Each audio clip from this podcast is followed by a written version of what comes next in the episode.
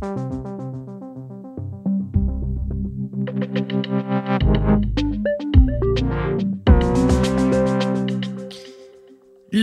kirkeministeriet fra sit ansvar i folkekirkens krænkelsessager, spørger jeg med det samme. En uafhængig morgen går i gang her til morgen. Det hedder mig Tækkeliv. Det gør jeg, fordi, øh, prøv lige at høre, det her kirkeministeriet mørklægger nogle grove forhold, og det forhindrer dem faktisk i at få styr på problemerne. Det er simpelthen så klart og tydeligt kritikken fra professor emeritus på Aarhus Universitet, Annette Borgtjost, Borgtjost, det kan være, jeg siger det forkert, øh, om, om landets kirkeminister. Nå, grunden til, at hun siger det, det øh, er på grund om den lidt større sag om Flemming Ples. Og øh, efter frihedsbrevet kunne fortælle, at ham vi kalder kendispræsten Flemming Ples i overvis udnyttede sin stilling som sovnepræst til at opnå seksuelle relationer til sårbare kvinder, er øh, Venstres kirkeminister, regeringens kirkeminister fra Venstre, Louise Jacques Elholm, gået i flyverskjul.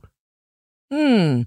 Og det har nu fået både SF's og Liberal Alliances ordfører til at øh, bakke op om eksperter og, og ærkebiskopens kritik i øvrigt, og, og kræve ministerens handling i sagen, særligt nu, hvor det viser sig, at kirkeministeriet, som altså, er den eneste instans, der kan fyre en præst, øh, var i mere end øh, et, et halvt år, halvandet år om at behandle klagesagerne på Flemming Plets, og det drejer sig altså om øh, mindst 18 klager.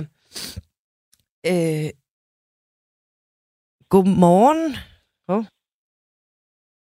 Godmorgen. Hallo? Ja, godmorgen. Øh, Kim Aas, du er kirkeordfører for Socialdemokratiet. Det er fuldstændig Og øh, da min kollega øh, Tobias Juhl ringede til dig i går, sagde du, at du havde hørt lidt om sagen. Hvorfor har kun jeg. lidt? Jamen altså, fordi jeg, øh, jeg ved ikke, om det er, fordi jeg er Fynbo, øh, at øh, jeg ikke har sådan en øh, kendt og kendtispræsten. Jeg ved selvfølgelig godt, kender godt sagen, og, øh, og har jo også øh, tidligere hørt om sagen, og derfor så øh, kigget lidt ind i den og, og læst mere om den, end, end som så. Men, men, men, øh, men som jeg også sagde til din kollega, så, så, øh, så, så er det jo ikke sådan lige sagen øh, direkte, jeg, vil, jeg kan forholde mig til, men, men mere det der med, som jeg kunne forstå, at snakken gik på, hvordan forholder Socialdemokratiet og jeg til mig det her med, hvordan at, øh, skal kirken kunne, kunne undslå sig og øh, forholde sig til de her, når der er sådan nogle sager, som, øh, som involverer arbejdsmiljø, kan man sige, og, øh, og det med, at, så, så det er det, jeg tænker, vi skal have en snak om. Ja, og øh, det kan være, at vi tænker øh, lidt det samme, men også to lidt forskellige ting. Fordi noget, jeg gerne vil spørge dig om, det er, altså burde du ikke være fuldt orienteret om den her sag, når du kommer ind som, øh, som kirkeordfører for et regeringsparti? Øh, tænker du, øh, at, at jeg burde have været bedre til at sætte mig ind i sådan en sag, eller jeg burde have været orienteret bedre end den sag? Ja, det, det er en alvorlig sag, vil nogen mene i hvert fald, som vil være... Det er det. Ja. Men, men når sagt, så, så kender jeg selvfølgelig godt sagen, også fordi den er jo blevet selvfølgelig også fyldt en del i medierne. Øh, grunden til, at jeg siger det, at, at, øh, at jeg ikke jeg har jo ikke fået, øh, hvad skal man sige, en eller anden øh, hemmelig mappe præsenteret, hvor at jeg så kunne få alt at vide. Øh, sådan fungerer det jo trods alt heller ikke bare, fordi man bliver øh, politiker på Christiansborg, men jeg kender selvfølgelig godt sagen i det omfang, Nå. som blev dækket jo. Okay. Øh, hvem har så ansvaret for, at de mange klagesager ikke bliver håndteret, hvis man spørger dig? Jamen, hvem har ansvaret? Jamen, det kan man sige, det har man jo... Jeg synes jo overordnet set, så er det jo øh, kirken, der har øh, et ansvar for sin, sin ansatte. Det vil sige, at, at øh, jeg forventer ligesom vel på, som på alle mulige andre arbejdspladser, øh, jeg har selv været offentlig ansat i mange år, at, at, øh, at, man, at, at sager, hvis man har nogle sager, uanset om hvilken karakter det er, så bliver de jo selvfølgelig håndteret i, Mm. øh, i, øh, i det område, hvor man er, og det hvor man er ansat. Og det vil sige, at, øh, at øh, jeg også får, altså, havde en forestilling om, at man selvfølgelig håndterede øh, en, en sag som den her i, i kirkens egen regi, Mm. øh, uden at der skulle være de helt store problemer i det. Ja, det, det, det, øhm, det, der skete jo egentlig også det, at øhm, altså de klager, der blev sendt afsted, drejer sig om mindst 18 klager. De fik biskop Peter Skov Jacobsen til at fritage Flemming Ples for præstetjenesten Ja, med øjeblikkelig virkning. Ikke? Og så blev der lavet en rapport, en advokatundersøgelse, som lå færdig i august 2021. Men det var så først i 2022, at kirkeministeriet indledte det, man kalder et, altså, tjenestligt øh, forhør af Flemming Ples.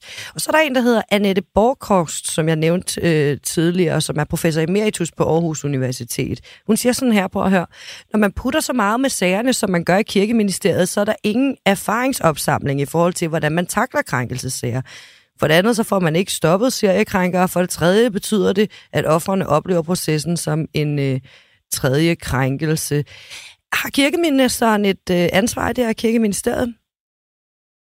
Jamen, jeg tænker, øh, vi... Ja eller nej, altså har de et ansvar? Det er jo meget Jamen, nemt. selvfølgelig har vi fordi vi er jo, øh, man siger, kirkeministeriet og vi politikere, vi er jo selvfølgelig i sidste instans øh, arbejdsgiver, og hvad skal man sige, har ansvaret for, at, øh, at de vilkår, man, øh, der bliver arbejdet under, og, og i tilfælde her også skal, mm. skal varetage, når der er sådan nogle sager her, så, så har man selvfølgelig et ansvar. Selvfølgelig har man det. Ja. Øh, og når sagt, så er hvis jeg skal gå ind i den øh, udtalelse fra, fra Metusen, så er det fuldstændig rigtigt, at, mm. at, at, øh, at, at det her sådan nogle sager, dem har vi jo desværre set rundt omkring i, i hele verden, da, når der opstår kirkesager. Øh, og, og, og, og der har været det fisk, og nu, nu, kan jeg ikke, nu taler jeg ikke kun ud fra den her sag her, men der er jo ingen tvivl om, at der har været man har måske ikke været god nok til at håndtere sådan nogle sager, fordi der ikke har været den her erfaring i det. Man har ikke haft et, øh, en boks, man kunne åbne og sige, hvad gør man i tilfælde af, når der opstår sådan nogle sager med, med krænkelser? Hvordan håndterer vi den på den rigtige måde? Og der har man jo nok mm. arbejdet, kunne jeg forestille mig, fra ministeriets side i, og hvordan, øh, hvordan pokker øh, håndterer vi det, og hvad er det for nogle midler, vi trækker i, og hvad er det for nogle, nogle restriktioner, og hvad kan vi gøre i sådan nogle situationer? Ja. Det skal vi selvfølgelig, det, det skal vi. Ja, ja og, det, og det er jo faktisk også øh, lidt noget, man bliver nødt til at forestille sig, fordi Louise Schack Elmholm, der er kirkeminister for Venstre, hun vil ikke stille op til interview, hverken her eller i andre medier. Som du ved, så er både SF's kirkeordfører Karina Lorentzen og LA's kirkeordfører Katrine Daggaard krævet, at, øh, altså i hvert fald mener, at ministeren bør tage ansvar. Synes du, det er problematisk, at kirkeministeren ikke vil udtale sig på trods af så hård kritik? Altså, nu skal jeg selvfølgelig aldrig udtale mig om, hvad ministeren hun skal udtale sig om, så det, det, det vil jeg lægge til side, men jeg vil i hvert fald sige det på den måde, at Ja, men forstå mig ret. Øh, jeg skal, ikke, jeg skal jo ikke øh, have på øh, gå efter min minister, fordi det har ikke nogen, nogen grund til. Eller nogen, der er ikke en grund til at kritisere kirkeministeren i den her sag?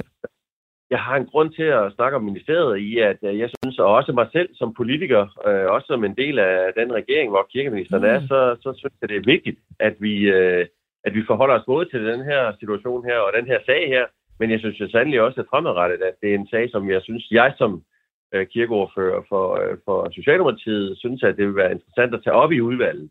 Øh, og med kirkeministeren og sige, hvordan er det, vi forholder os til? Fordi jeg, jeg, jeg må jo desværre også nok erkende, jeg tænker ikke, at vi kan være sikre på, at det her det er den eneste sag, der ja. hverken er kunne opstå i, øh, i, en, øh, i en stor arbejdsplads, som, som kirke, øh, kirken er.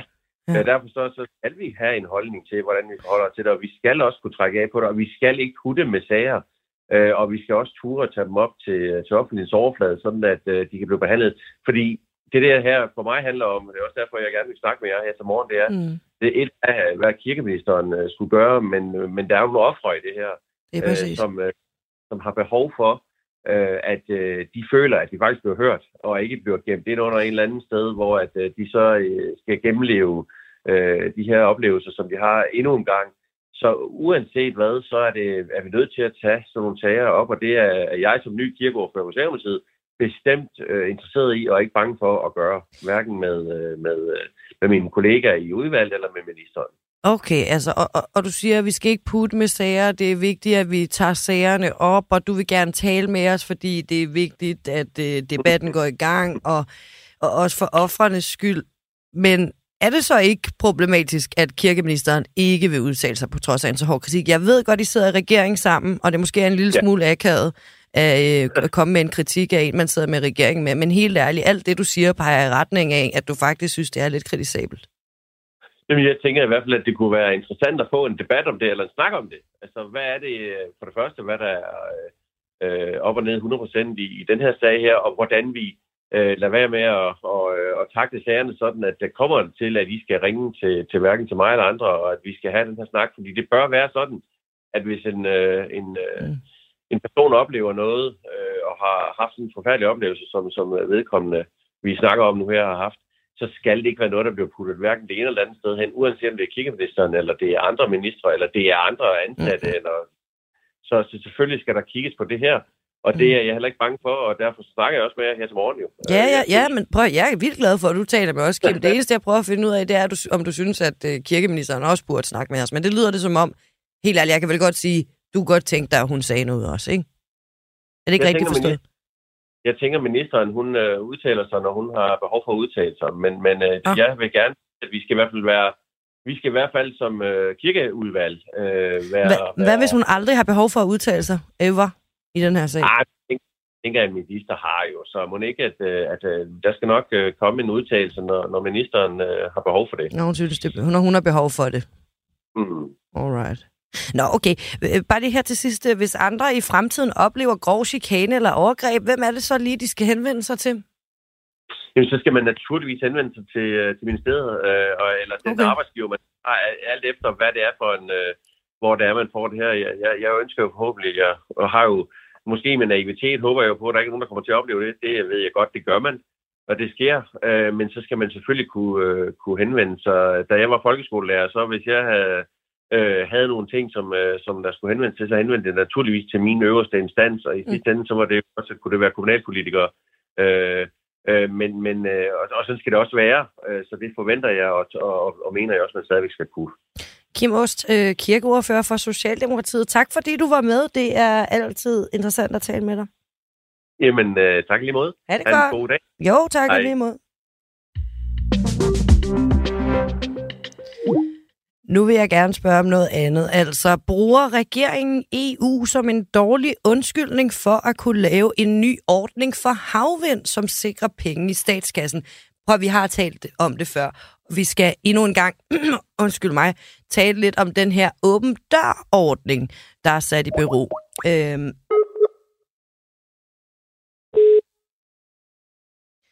Øh, undskyld, jeg lige øh, tog et øjeblik der. Sagen er blevet sendt i øh, bero Undskyld, ja, vi sidder med et nyt øh, setup. Øh, sagen er blevet sat i bero i, sendt til, undskyld, sendt til EU af regeringen, selvom EU ikke lader til at have et problem med den. Det betyder, at op imod 1.500 havmøller pludselig kan ende med ikke at blive bygget. Vindmøller, der var tiltænkt en hovedrolle i den grønne omstilling altså. Når man regeringen har meldt ud, at de er frustreret over, at ordningen så nu er sat i bero, selvom der er i regeringsgrundlaget argumenteres for, at man skal have en anden ordning end netop åben dørordningen. Den sikrer nemlig ikke penge i statskassen. Søren Ikke Rasmussen, du er energiordfører i enhedslisten. Godmorgen helt øh, straight up spørgsmål. Bruger regeringen EU som en dårlig undskyldning for at kunne lave en ny ordning for havvind, som sikrer penge i statskassen? Hvis man spørger Søren Ege Rasmussen? Nå, hvor,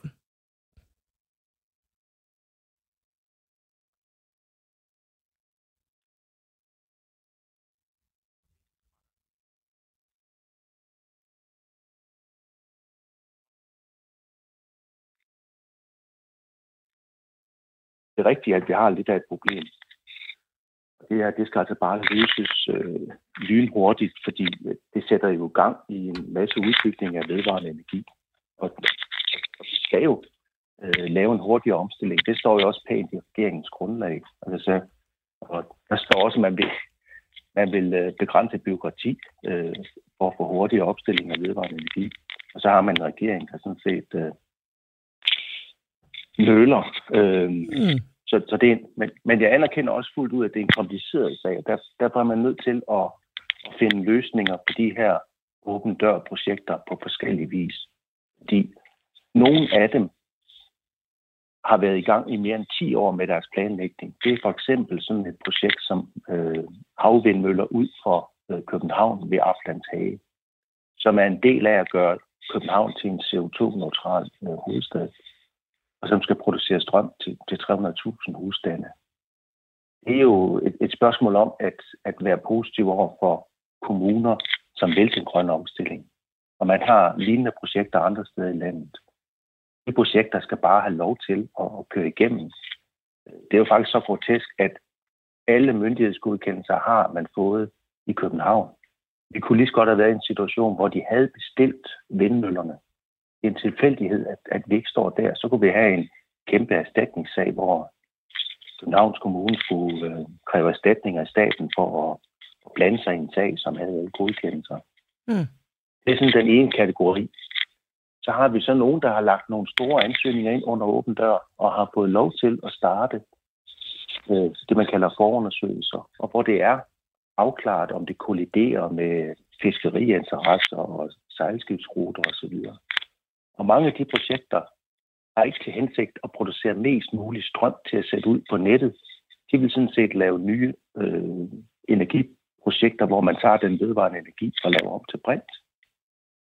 Og der kan man godt sige, at, at de regler, vi har i Danmark, er ikke ligesom tænkt til, at det var det, som skulle ske, men det er sådan set det, som vi også gerne vil have, skal ske nu. Og der kan man sagtens lave nogle beskatningsregler, øh, mener jeg, som, som gør, at, at der kommer penge i statskassen. De kommer så ikke ind, ind i forbindelse med, at et, et firma får stillet et, et havareal til rådighed. Men, men vi har faktisk en, en lovgivning, som skal behandles her i foråret, mm. som beskriver, hvordan kan en, en, øh, et selskab eje nogle vindmøller, og så lave en elledning ind til et brintproduktionsanlæg, og så skal de selv øh, så skal de have nogle andre vilkår. Og der kan vi sagtens lægge ind, der skal ske en beskatning af det. Så kommer der penge i statskassen. Ja, det øh, må man så, forstå er øh, øh, noget, enhedslisten ønsker, altså at staten skal tjene på virksomheder, der opsætter møller, ikke? Øhm. Jo, altså, vi er jo nødt til at se på, altså, grundlæggende, hvem er det, der ejer vinden? Hvem ejer solen? Ja, hvem gør det egentlig? Sige, at, ja, det er jo et rigtig godt spørgsmål. og som der er mange konflikter omkring, fordi vi har jo, med, med, hvis vi bare tager vindenergien, så har vi jo haft en historisk udvikling i Danmark, hvor vi har fra statens side givet statsstøtte til, at der kom vindmøller op at stå. Ja. Og så er vi altså kommet hen til det punkt, som vi har oplevet, når vi har holdt udbud med havvindmøller øh, langt ude i Vesterhavet på den bedste placering, at statskassen faktisk får et beløb ind på at give tilladelse til, at der opstilles vindmøller på statslige arealer. Det, det, ja. Det er sådan set rimeligt, at man har en form for beskatning af vindressourcen. Ejer, fordi, ejer staten vinden? Er det det, du siger? Ja, det synes jeg i et vis omfang. Altså, fordi... Okay. Vi kan, ja, det synes jeg, at, at, øh, at man godt kan have en beskatning på, på den ressource. Vi har jo også en beskatning... Men, men er luften ikke af, for af alle? Altså? Jo, jo. Det er den. Og man kan sagtens komme ud i noget, hvor det her det bliver rigtig kompliceret. Og det er også der, hvor der er mange, som har sat solceller op på deres tag under nogle eksisterende regler. Og, og det var sådan set øh, godt for deres økonomi, og så kommer staten og blander sig og lige pludselig vil lave om på reglerne, fordi der skal penge i statskassen. Og der har vi nogle eksempler i Danmark, som virkelig er dårlige. Det kunne man lave en udsendelse på en hel formiddag på. Det ved jeg godt. Så jeg synes næsten, vi skal over, jeg synes næsten, vi skal over og forholde os udelukkende til vinden. Men jeg synes sådan set, at man godt skal betragte i et moderne samfund, at, at, øh, at vinden er en ressource, som vi skal forsøge at styre fra Folketinget. Og jeg synes også, det er rimeligt, at der er en, en beskatning af vindressourcen. Ja. Så det ikke bare er at dem, der har været hurtigst til at lægge en ansøgning ind, som får hele fordelen. Okay. Øh, jeg, jeg kommer også lige ud på et sidespor med, om øh, staten ejer luften og solen, men noget mere konkret er egentlig, hvad er forskellen på den model, I foreslår, og regeringens ønske om en koncessionsmodel? Jeg ved ikke, øh, hvad der er nogen fordel, hvad der er en forskel, fordi jeg har ikke set uh, regeringens uh, forslag. Men, men jeg vil godt, godt lægge meget stor vægt på, at de der projekter, uh, for eksempel Apland Tage ude for København, at de får lov til at køre igennem, uden at staten skal signere dem. Regeringen... Men, så, så, så, Ja. Jeg, jeg, jeg fortæller dig bare lige for en god ordens skyld. Regeringen vil se på, om der kan etableres smidigere modeller for udbygning af havvind, samtidig med at samfundet sikres en rimelig del af indtægterne fra energiudvindingen på land og til vands, eventuelt i form af en opdateret koncessionsmodel. Er du enig i det her? Lyder det ikke meget godt? Der står opdateret koncessionsmodel. Det kan jo være mange ting. Mm. Jeg synes faktisk, det er rimeligt, at der er en beskatning. Og det kan man jo godt lave sådan, at hvis energipriserne er rigtig høje, at så har man en beskatning af overnormal profit. Det er jo sådan set der, hvor vi bokser med regeringen lige nu, fordi EU har tilladt, at dem, der har tjent store penge på, at energipriserne i, år, i sidste år og i år er meget høje, at de skulle have en ekstra beskatning. Og det nøler regeringen meget med. De vil ikke lave det, så det kommer til at gælde for sidste år. Det er jo helt vildt, fordi det er der, at der er nogen, der har tjent milliarder, mm. fordi at elregningen har været høj. Okay. Så, øh, så vi er sådan set positive for at ja. se på en beskatning af det. Det, det er vi. Vi skal bare gå hurtigt. Ja. Fordi vi, vi står i en situation, hvor at vi skal udbygge den vedvarende energi, og vi skal sikre en forsyningssikkerhed, så vi ikke er afhængige af Putins øh, gas og olie osv. Ja. Lige her til sidst vil jeg bare lige spørge, øh, fordi det er øh, noget, der optager mig, altså Søren Ege Rasmussen, energioverfører for enhedslisten. Hvordan kan vi tage patent på sådan en ressource som vinden fra statens side? Ja, man kan sige, at man har jo styr, haft styr på det, så man har tidligere givet statsstøtte til, at der bliver produceret øh, vindmøllestrøm. Ja. Og der gav man jo et konkret økonomisk tilskud på den elektricitet, der blev produceret. Nu er vi så i en situation, hvor økonomien har ændret sig, fordi der er højere energipriser. Så kan man også sige, når staten i en lang årrække har givet tilskud til, at der bliver produceret el fra vind, så kan man også have en, øh, en, en situation, hvor staten har en indtægt fra det. Om man så skal lægge den indtægt på øh, selve, øh, hvad skal man sige, selve produktionen i form af en afgift produceret strøm, eller om man skal til at, og øh, holde nogle udbud, hvor man får indtægter ind, når man tildeler den byggegrund, hvor vindmøllerne skal opstilles på. Det kan laves på mange måder, men jeg synes, det er vigtigt, at dem, der gerne vil stille møller op, at de har en rimelig forretning i det. Og er der så en overnormal profit, så er det noget, der skal i statskassen. Okay, vil du være Søren øh, ikke Rasmussen, energioverfører i enhedslisten. Jeg tror, vi kunne tale sammen meget længe, os to, men øh, ja, jeg bliver nødt til at komme videre. Om det her. Jamen, det kan vi ja. jo tænke lidt på, om vi ikke har tid til det en dag. Øh, men øh, indtil da, så øh, nyd øh, vores luft, og nyd din dag, og øh, ja. pas godt på dig selv. Tak lige måde. Hej, hej. hej. Okay.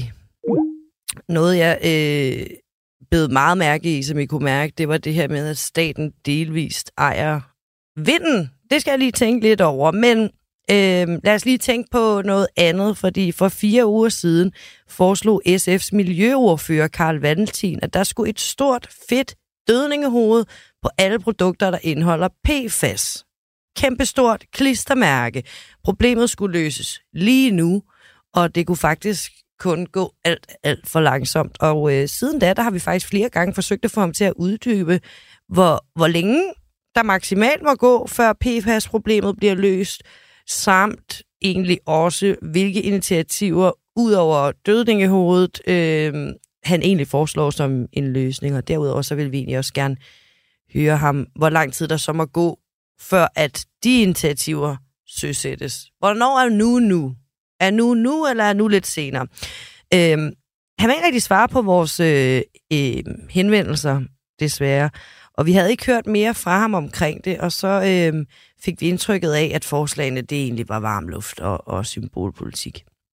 Men efter de mange henvendelser, så lykkedes det egentlig journalist og, Christ, øh, og vært Christian Henriksen at finde ham på Christiansborg. Og det er vi rigtig glade for. Prøv lige at høre, hvordan det lød. Er der stadig et stort fedt dødningehoved på tandsråden? Det er jo et billede på, at jeg synes, der skal være en mærkningsordning, så det tydeligt fremgår, når der er tilsat PFAS øh, til forskellige stoffer. Og ja, det mener vi da så afgjort, at der skal. Altså helst så vi jo gerne, at man forbyder at putte PFAS i de her produkter. Men at lave en mærkningsordning indtil, at det er forbudt, som gør, at forbrugerne tydeligt kan se, om det er i eller ej, det synes jeg vil være så fint, og det kan jo indgå som en del af varedeklarationen, eller det kan være med et mærke, eller hvad det kan være. Det vigtigste er, at forbrugerne kan se, hvad, altså, hvad produkterne indeholder. Så dødningehovedet var måske en overdrivelse? Ja, det synes jeg overhovedet ikke. Altså, skal et dødningehoved på? Om der specifikt skal et dødningehoved på? Du sagde dengang, der skal et stort fedt dødningehoved på. Øh, og det vil jeg bare gerne vide, om det er stadig noget, du, du arbejder for. Det er også fordi, at vi prøver at få, få svar på det her fra dig. Jeg vil gerne svare på spørgsmålet. Ja. Altså, for ja, ja, fordi altså, det afgørende er, at forbrugerne tydeligt kan se, om der er PFAS i stoffet, så siger jeg, at der skal et stort fedt dødninghoved på. Men det er jo et billede på, at det skal være tydeligt, og at det skal fremgå. Om det er dødninghoved, er jo ikke vigtigt. Okay, men så har vi i hvert fald fået lukket den. Det behøver ikke være et dødninghoved, det skal bare være et markat, der tydeligt signalerer, mm. her PFAS i. Hvornår kan vi regne med at få det dødninghoved? Eller det, det markat? Det kan jeg jo ikke afgøre. Det kræver jo, at man har et flertal for Hvornår vil du gerne have det? Jeg vil gerne have en mærkningsordning hurtigst muligt. Og det er Hvornår klart, er det? Hvornår kan forbrugerne regne med, at den mærkningsordning, hvis det går efter dit hoved, vil være der? Det kan jeg ikke sige, fordi jeg vil jo gerne have, at regeringen undersøger, hvornår at man vil kunne etablere en mærkningsordning, og det kan jeg aldrig finde ud af, hvornår vil være muligt. Altså, det er, det er umuligt for mig at undersøge. Du går vel til regeringen med et krav om, det skal være inden en måned, inden to måneder. Der skal jo handles nu og her. Det er lige nu, vi bliver forgiftet med det her PFAS. Hvad vil du sige til regeringen vil være et optimalt tidspunkt at få etableret den her mærkningsordning? Det vil være så hurtigt som muligt. Og jeg kan ikke gøre det mere præcis end det, fordi det er jo klart, at vi skal vide, hvad vil det kræve af virksomhederne at implementere det her? Øh, De skal jo til at opgive, hvis de bruger de her PFAS-stoffer. Så jeg kan jo ikke sige, om det skal være om en måned. Det er nok urealistisk. Men det ikke, Det uanset om virksomheden skal implementere det, om de skal have fjernet PFAS-stofferne. Du siger selv, at det kan kun gå for langsomt. Ja.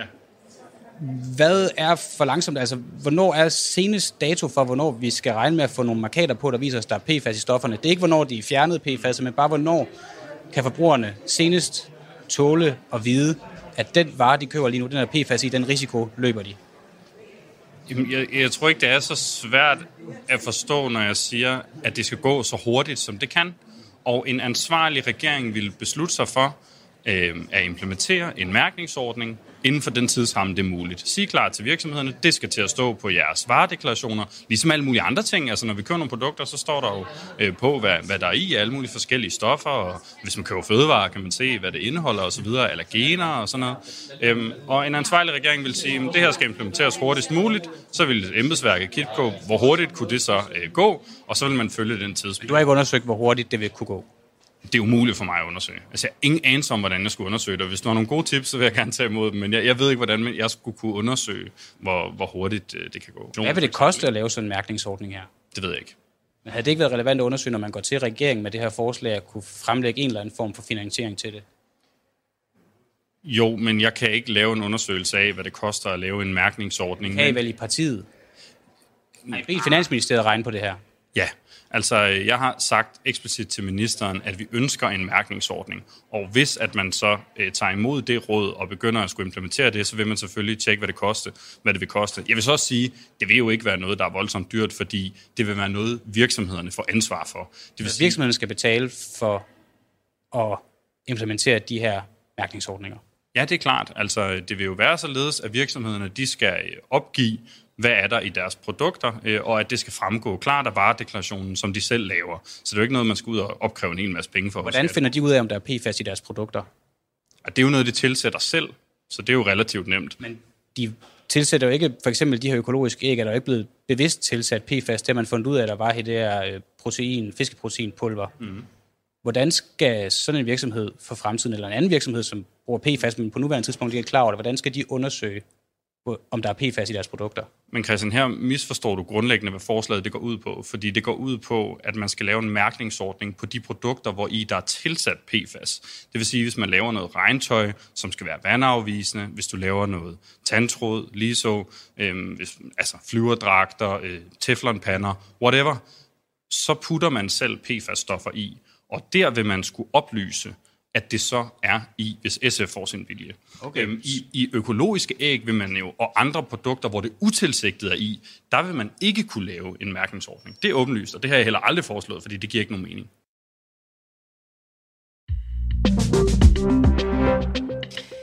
Prøv at høre, vi skal selvfølgelig også øh, vide, hvad der sker andre steder end inde i det uafhængige morgens studie. Øh, jeg kan jo starte med at fortælle, at russiske styrker og myndigheder har med støtte fra den russiske regering taget hundredvis af ukrainske børn fra besatte områder i det østlige Ukraine. Og så har de placeret dem i institutioner eller hos deres familie i Rusland, både midlertidigt og, øh, og permanent. Og ifølge de russiske, russiske myndigheder, så er det selvfølgelig sket for at redde børnene fra krigen i Ukraine, men Ukraine beskylder sig Rusland for at begå krigsforbrydelser. Så det kommer lidt an på, hvor man står, hvilken slags nyhed det her er.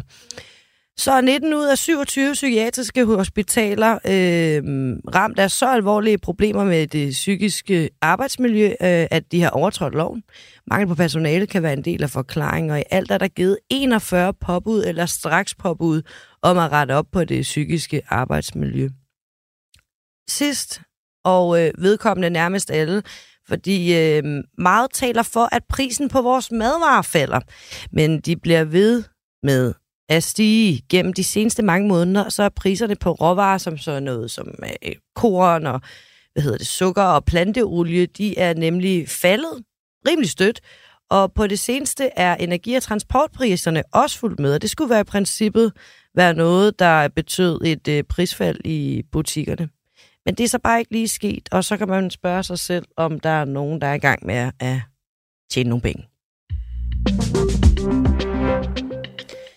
Nå, jeg læser lige noget højt her.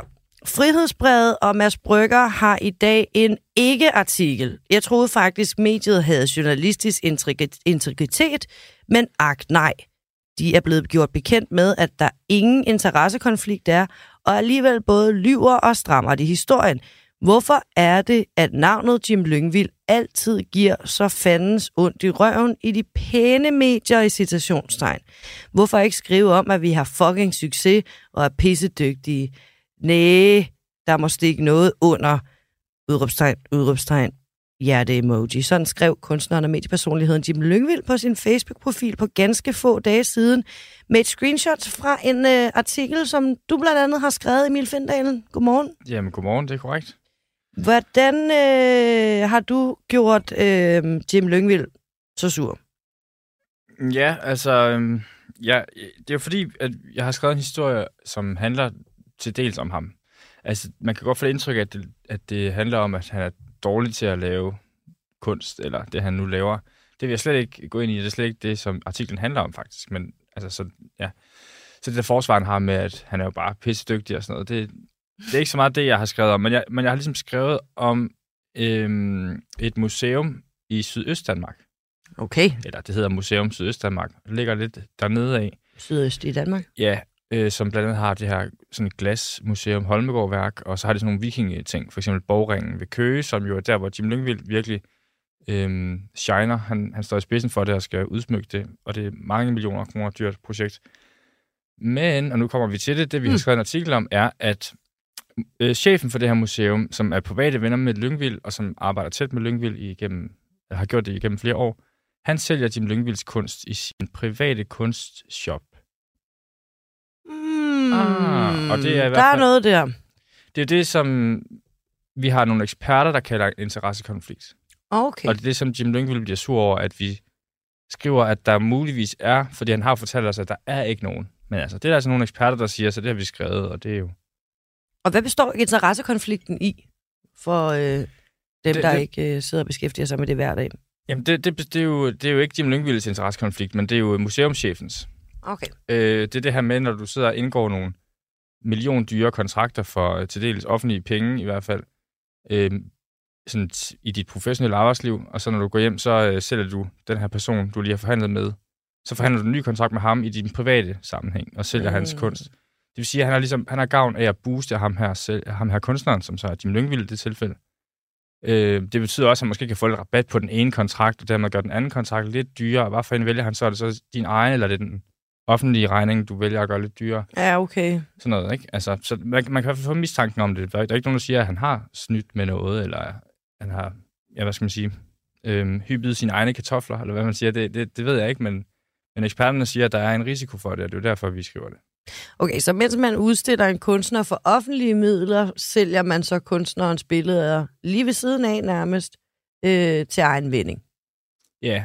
Kan man sige det sådan? Det er ikke, det er ikke kun offentlige midler, men, men mange af dem er offentlige, ja. ja. Øhm, altså, det er jo bare en del af det, kan man sige. Ikke? Men, men øhm, det er jo mere det her med, at kan man både være museumschef og gallerist på samme tid.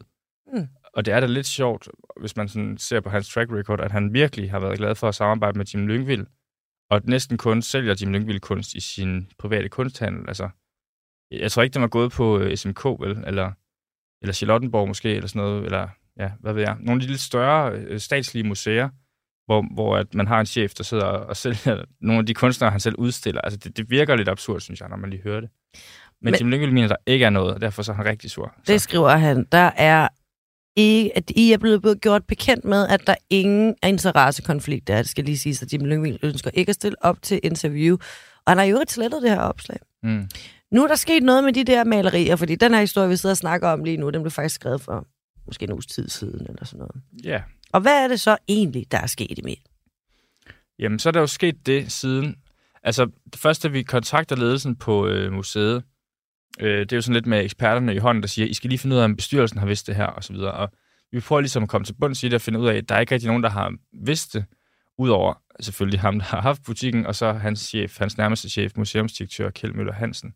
De to har vidst det, og de har fundet frem til, at der er ikke noget at komme efter. De var mm. nærmest lidt, øh, det var som de havde sådan noget PFAS, øh, hvad hedder sådan noget, sådan noget øh, afvisende, eller sådan noget teflon på, ikke? teflon. Øhm, og øh, altså, de, de, de kunne slet ikke se problemet, fordi de stoler jo på hinanden, og de er nogle gode fyre og så videre. Øhm, men så skal de lige sove åbenbart på det et par gange. Så om fredagen, der modtager vi så en, øh, en form for mail, eller det er en mail, men, men en form for skrivelse nærmest, vil jeg sige, fra museet, som siger, nu har de altså fjernet de her malerier, fordi man kan ikke både sælge kunst af nogen, man samtidig udstiller på museet. Mm, så på en eller anden måde, så var jeres undren rigtig. De var i hvert fald enige med os i, at man godt kunne få en mistanke, og den mistanke har de ikke lyst til at have på sig. Sådan kan man nok godt sige det. Hvorfor er det, du synes, det er en uh, interessant historie at beskæftige sig med?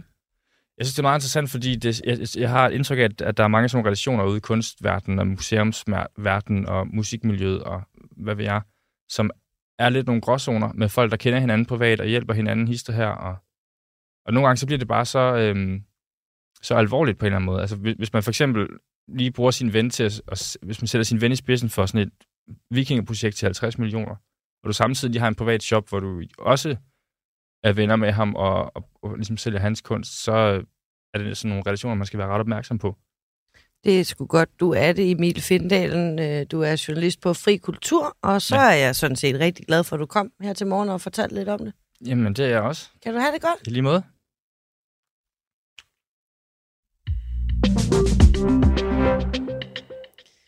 Nu haster vi videre, og jeg skal stille et spørgsmål, som øh, ja, hvis jeg, altså, hvis jeg har stillet det før, så er det virkelig lang tid siden.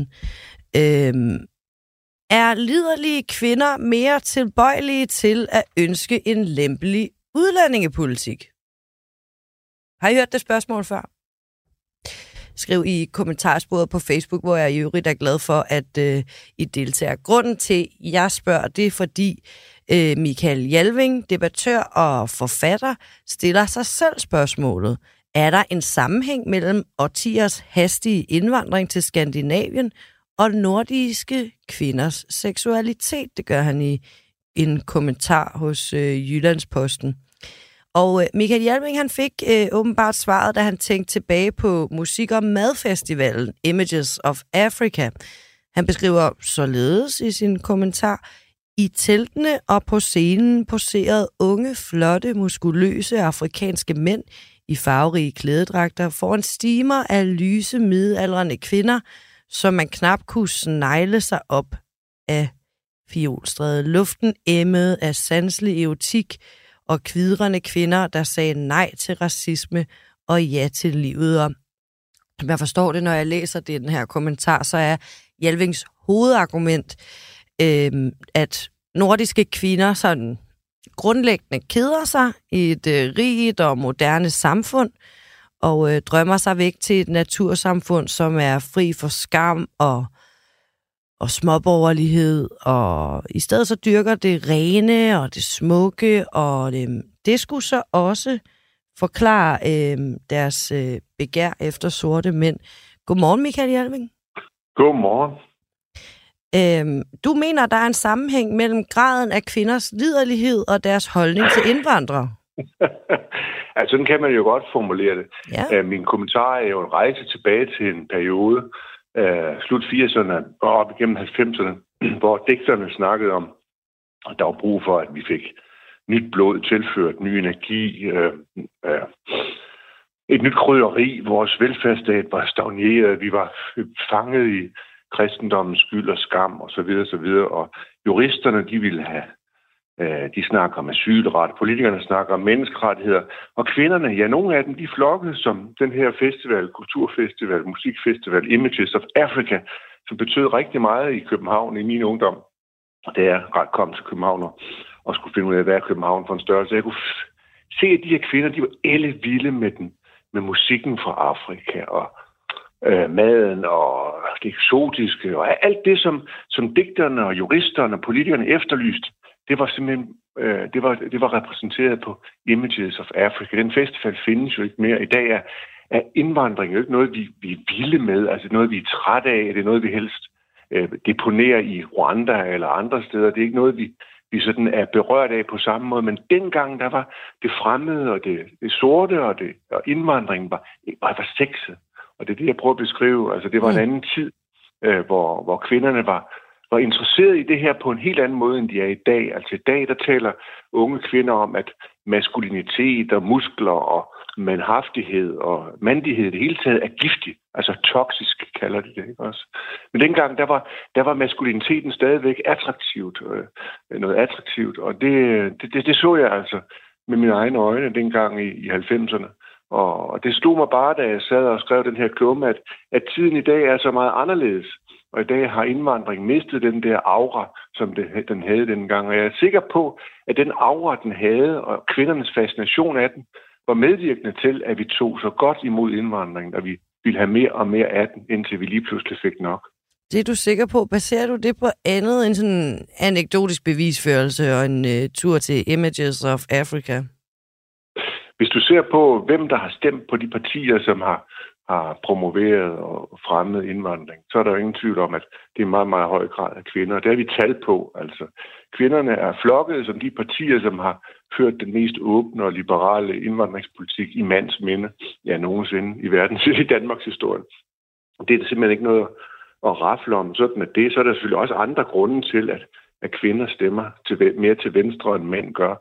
Det kan vi også godt kunne det, kunne, om. Men... Kunne det have andet at gøre Altså med andet at gøre end lyst til sex?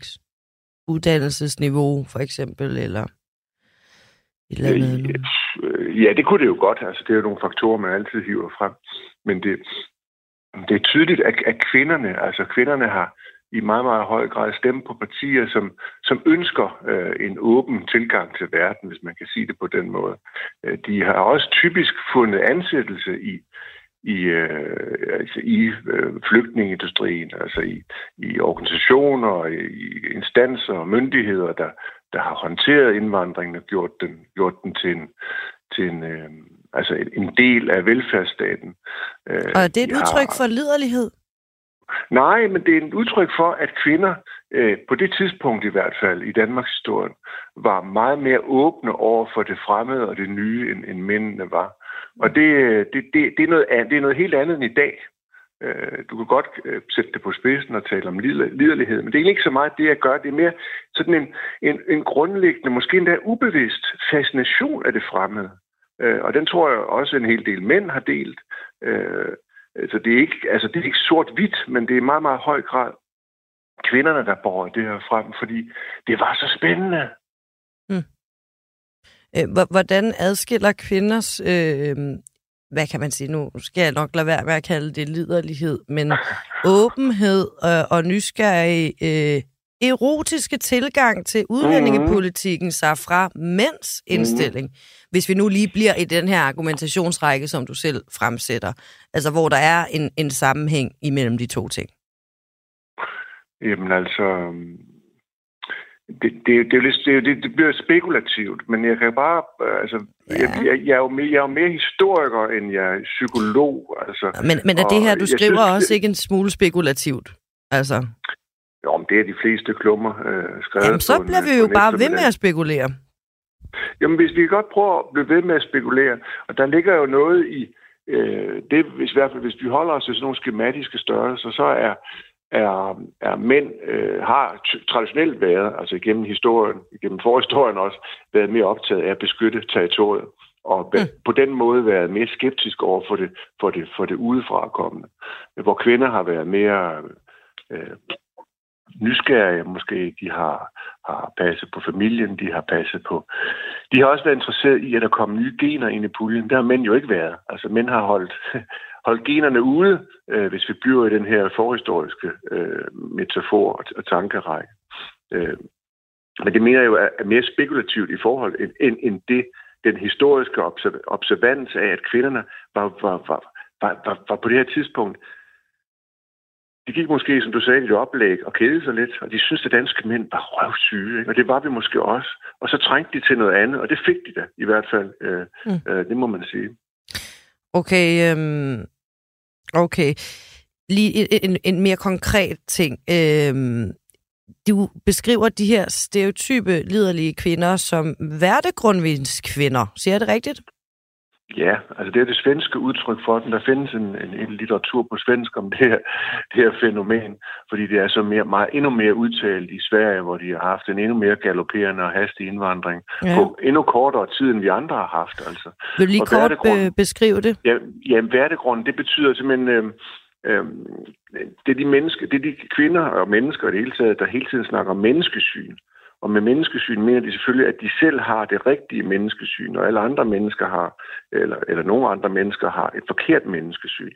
Og det rigtige menneskesyn, det rigtige værdegrund, det, det er, at man er åben over for verden, og man, som den svenske statsminister uh, Reinfeldt, han sagde, at vi skal tage imod indvandring med åbne arme. Det var sådan en mandlig statsminister, der sagde det. Men han efter, efterabede sådan set kvinderne, og, uh, og det blev den officielle politik, at man skulle have en åben og blå politik på det her område. Og de blev klogere, og nu vender de 180 grader rundt, fordi de har fortrudt, øh, hvad de gjorde dengang i, op gennem 80'erne, 90'erne og endnu mere i 0'erne. Så det er sådan et svensk øh, begreb for det, jeg prøver at beskrive her. Altså, øh, er der nogle en, eksempler på sådan nogle øh, kvinder blandt øh, danskere, måske altså offentlige personer, bare lige så jeg kan få et billede på? Jamen, det er jo sådan Stine Bosse og og det er måske mere sådan navn, en, en navnløs flok af kvinder, der har flokket, som for eksempel Images of Africa, eller, eller i mm. flygtningeindustrien. Altså, det er um, måske snarere middelalderen kvinder, end det er unge kvinder. Og det er måske kvinder, som ellers ikke er politiske, men som i det her område, fordi det er så sexet og spændende, der finder de en, en politisk identitet. Øh, bedstemøder for asyl, for eksempel, ikke? hvis du kan huske dem. Jeg ved ikke, om de findes mere. Men den type af, af menneske, øh, menneskesynskvinder, hvis man skal oversætte det til dansk. Det lyder bedre på svensk, altså værdegrundskvinderne.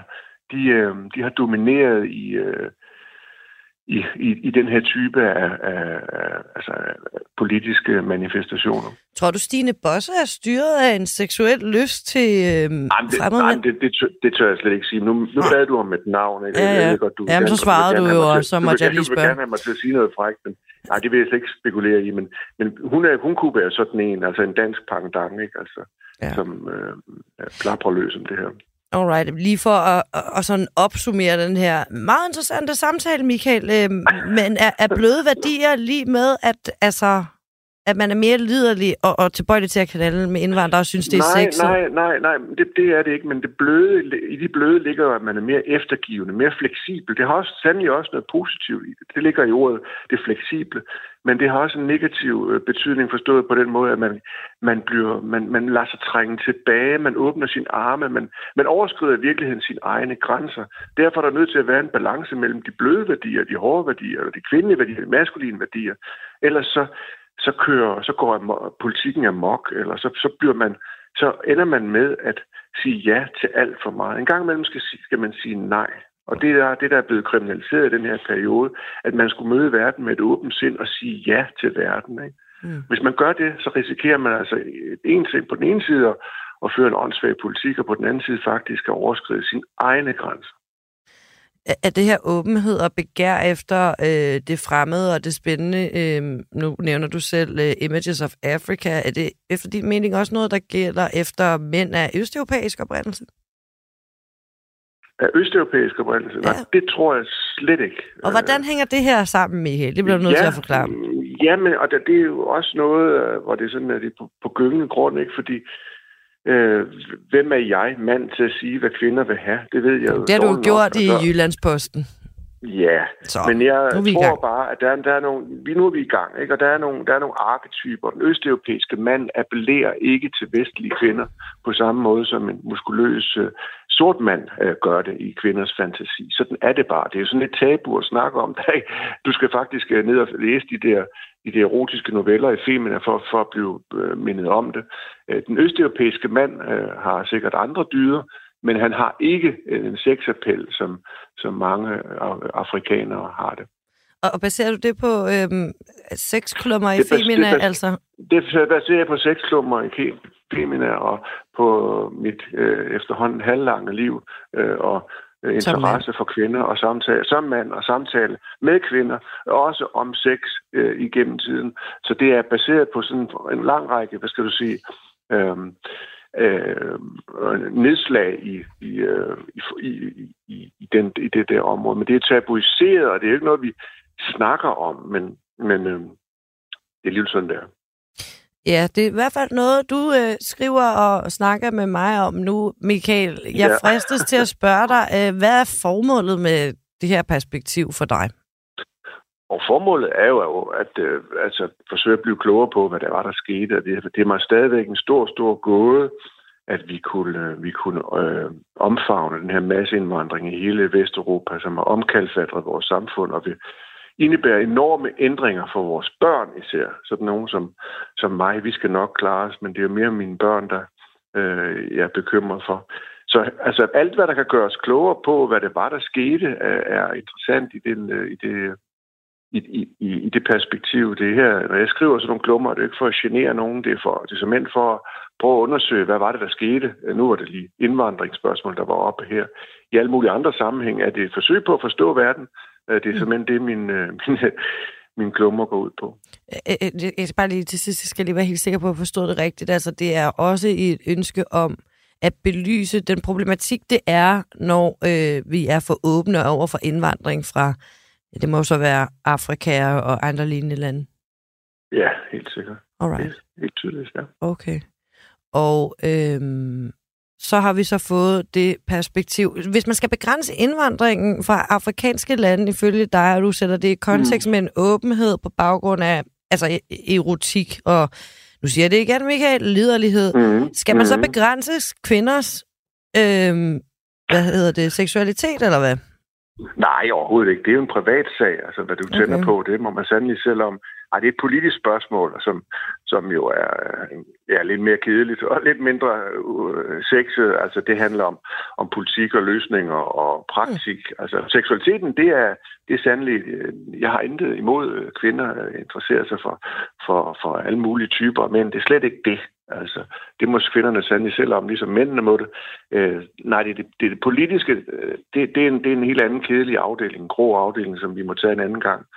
Øh, mm. Men jeg tror bare, jeg tror bare, man skal ikke være så naiv at tro, at vi, at vi kun er fornuftsvæsener, altså at vi, vi, vi forholder os til verden ud fra sådan nogle rationelle, øh, tydelige, klare og bevidste øh, grunde og, og sammenhæng.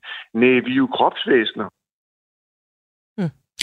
Sidste spørgsmål, ja eller nej, Michael Hjelving. Er liderlige kvinder mere tilbøjelige til at ønske en lempelig udlændingepolitik?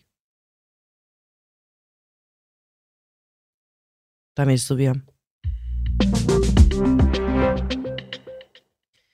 Vi øh, haster videre. Jeg vil lige fortælle jer, at i New Zealand er man ved at gøre status over de ødelæggelser, som er forsaget af den cyklon, der har ramt landet.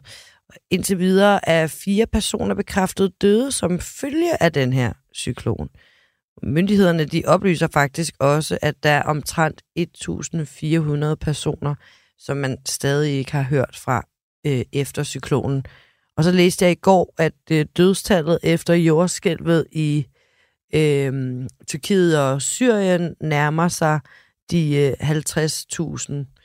Øh, så er vi opdateret på øh, de naturkatastrofer, der øh, øh, hvad kan man sige, huserer vores planet. Og hvis jeg er lidt ved siden af mig selv, så er det fordi, jeg sidder og tænker på den her samtale, jeg lige har haft med øh, Michael Hjelving. Altså, man må forstå, at selvom der ikke synes at være en direkte, altså påviselig sammenhæng imellem kvinders ønske om sex og deres ønske om en lempelig udlændingepolitik, så er det vigtigt, at man tænker over, hvordan det kan spille ind i dansk politik. Nå, øhm, er det endegyldigt fakta, at Rusland stod bag Nord Stream-sprængningerne? Godmorgen, Jakob Serup. Du er museumsdirektør på Bornholms Museum, og så er du forfatter og historiker. Godmorgen. Godmorgen.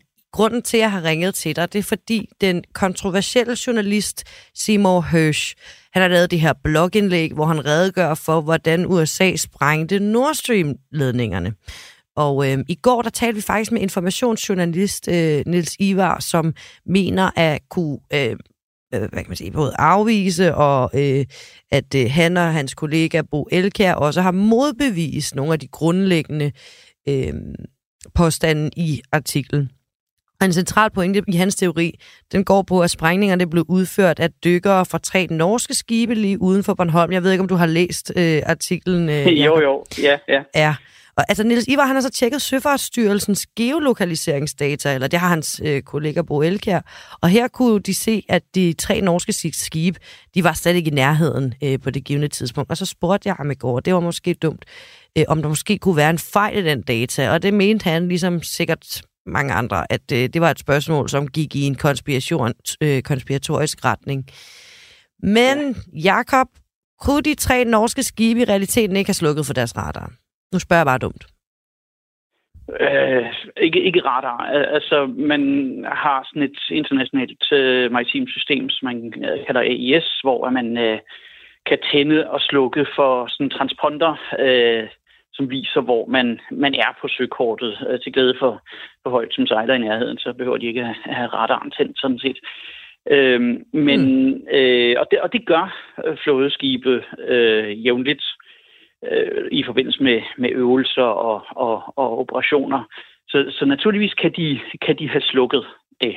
Mm. Men øh, omvendt, så skal vi jo se det i sin, sin kontekst. Altså, men det er jo ikke et spørgsmål om, hvad man kan forestille sig. Fordi Simon Hershes artikel er jo i og for sig et glimrende eksempel på, at man kan forestille sig utrolig mange ting. Mm. Det kan skønlitterære forfattere også, og det gør, at de kan skrive chubangromaner, som sælger godt, og som er super spændende og kan blive til, til sjove og underholdende øh, Hollywood-film. Mm. Men det, vi bliver nødt til at se på, det er jo, hvad er ikke blot muligt, men hvad er sandsynligt? Fordi, hvorfor skulle de gøre det? Hvorfor skulle øh, den amerikanske øh, præsident der var meget bange for, at, øh, at der ville sprede sig et rygte om, at han havde iværksat den her operation. Hvor, hvorfor skulle han så involvere et, øh, et tredje land, altså Norge, og det vil dramatisk øge øh, risikoen for, at der er nogen, der, der, der sladrede, som, som ligesom var ude af hans kontrol. Altså, det, det, det er logisk meget øh, øh, svært at, at, at forklare, og derfor er det også meget lidt sandsynligt. Samtidig skal vi jo se på, øh, altså øh, præsident øh, Bidens øh, track record.